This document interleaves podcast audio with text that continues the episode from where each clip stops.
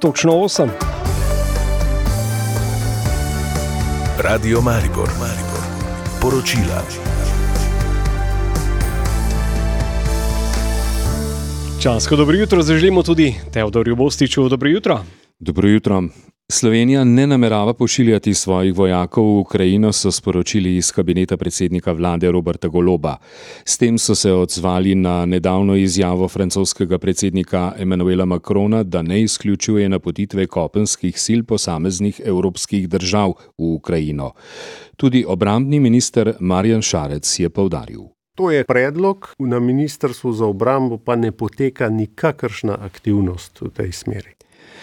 Davčni zavezanci imajo še danes čas za oddajo napovedi za odmero dohodnine od dohodkov iz kapitala. Gre med drugim za obresti na denarne depozite, najemnine in dobiček od prodaje dividend iz tujine. Napoved lahko zavezanci oddajo prek e-davkov, za manj kot deset transakcij pa tudi prek priporočene pošte. Predstavniki vlade in sindikatov javnega sektorja bodo popovdne nadaljevali pogajanja po posameznih plačnih stebrih. Pretresali bodo predlog odprave plačnih nesorazmiri, ki ga je v ponedeljek na krovnih pogajanjih predstavila vladna stran. Zdravniški sindikat Fides je udeležbo odpovedal. Že do povdne bodo tudi pogajanja o stavkovnih zahtevah operaterjev centrov za obveščanje. Kot je znano, Podobno kot v Ljubljani, tudi v Mariboru razmišljajo o združitvi osmih samostojnih javnih vrtcev v mestu v en zavod. Včeraj so se predstavniki občine na uvodnem sestanku sešli z ravnateljicami vrtcev.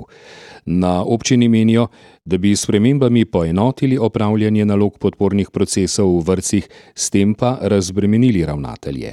Več Aljaš Mejal. Na sestanku so predstavniki občine ravnateljicam predstavili možnosti reorganizacije oziroma združevanja mariborskih javnih vrtcev. Direktorica občinske uprave Lidija Krebel meni, da je bilo srečanje konstruktivno. Glavni cilj načrtovane spremembe pa je iskanje sinergij zlasti na področju skupnih služb. Torej na izboljšanju delovanja pravne službe, službe za javna naročila, kadrovskih podpor, IT službe, kjer tudi same ravnateljice opažajo možnosti izboljšav. Nikakor pa spremembe ne bi posegale v avtonomno pedagoško delo posameznega vrca, še podarja sogovornica. Vsak vrtec bo ohranil svojo ravnateljico, v ta del se zagotovo ne posega. Naša želja je samo, da ponudimo podporo na podpornih službah, tam, kjer je možno izboljšati same procese delovanja. Nikakor pa ne želimo, da bi se ravnateljicam omejevalo delo na pedagoškem procesu. Predsednica skupnosti Mariborskih vrtcev in ravnateljica vrca Pobrežje Branka Šamec je po sestanku dejala, da reorganizacije ne zavračajo vnaprej. Na mestni občini povdarjajo, da bodo procesi, ki se sedaj kažejo kot dobri, kot takšni tudi ostali. Moramo pa sedaj pač pripraviti eno poročilo vrci. Kaj je pa tisto, o čemer bi se lahko pogovarjali kot eno možnost za bolj učinkovito izvajanje procesov? Po besedah sogovornice so ravnateljice izpostavile še, da je kakovostna predšolska vzgoja mogoča le takrat, ko ima ravnatelj poslovodno in pedagoško funkcijo, saj se ti dve v delovnem procesu prepletata. Na mestni občini Maribor pa poudarjajo, da so prepoznali, da v javnih mariborskih vrtcih izvajamo kakovostno predšolsko vzgojo in da nikakor tega ne želijo na noben način spremenjati. Obe strani pa pri nadaljnih korakih reorganizacije, do katere bi po ocenah občine lahko prišlo v leto in pol, podarjata pomen dialoga in usklajevanja.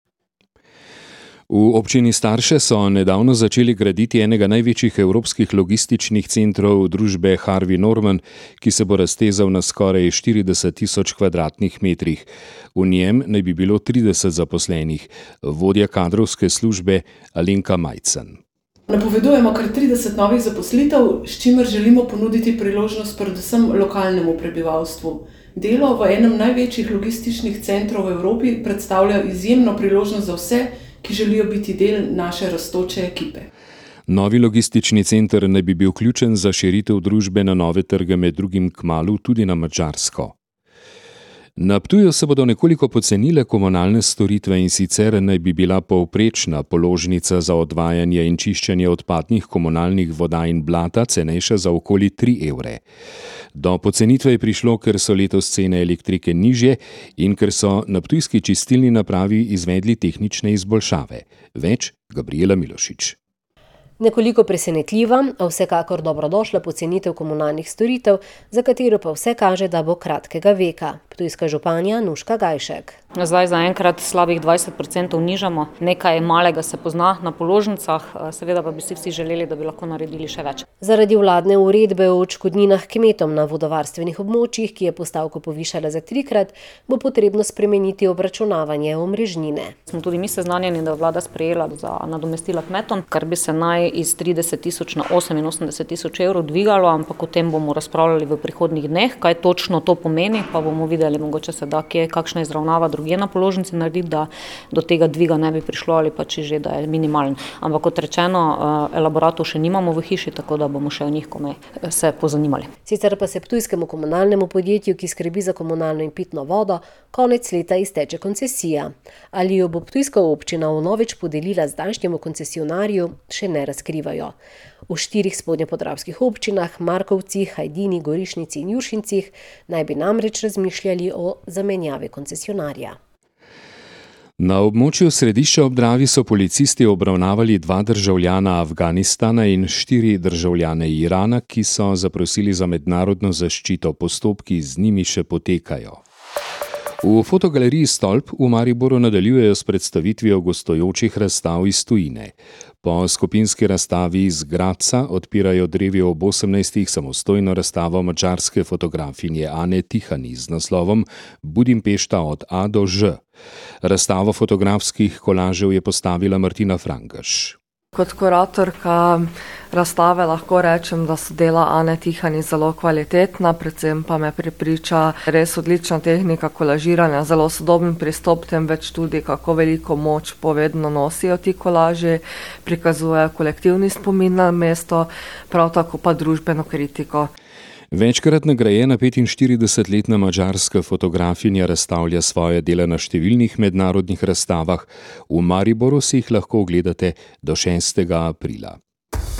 Šport in Jože Pepevnik. Odbojkarice mariborske Nove KBM Branik se bodo danes mudile na kamniškem koncu, kjer jih čaka druga tekma četrtfinala državnega prvenstva. Branikovke proti drugi ekipi Kalcita vodijo z ena proti nič v zmagah in lahko danes potrdijo polfinalno vstopnico. Slovenska ženska nogometna reprezentanca je osvojila tretje mesto na prijateljskem turnirju v Španiji. Po porazu v polfinalu proti Finski je včeraj ugnala Filipine z ena proti nič, edini gol je v peti minuti dosegla Lana Golob. Teniška zveza Slovenije bo letos s partnerskimi klubi in občinami organizirala sedemindvajset turnirjev serije World Tennis Tour, ki sodijo pod okrilje Mednarodne teniške zveze. Prvi od turnirjev, ki udeležencem omogočajo nabiranje točk za lestvici ATP oziroma WTA, bo od osemnajstega do štiriindvajsetega marca v Mariboru. Rokometaše Celja drevi čaka nova tekma lige prvakov, v trinajstem krogu se bodo v gosteh pomerili s Portom. Na Ptuju so sinoči podelili priznanja najboljšim športnicam in športnikom tega mesta v letu dva tisoč triindvajset. To sta postala odbojkarica Nika Milošič in metalec diska Kristjan Čeh. Nagrado za življenjsko delo na področju športa je dobil kegljač Boris Premzl.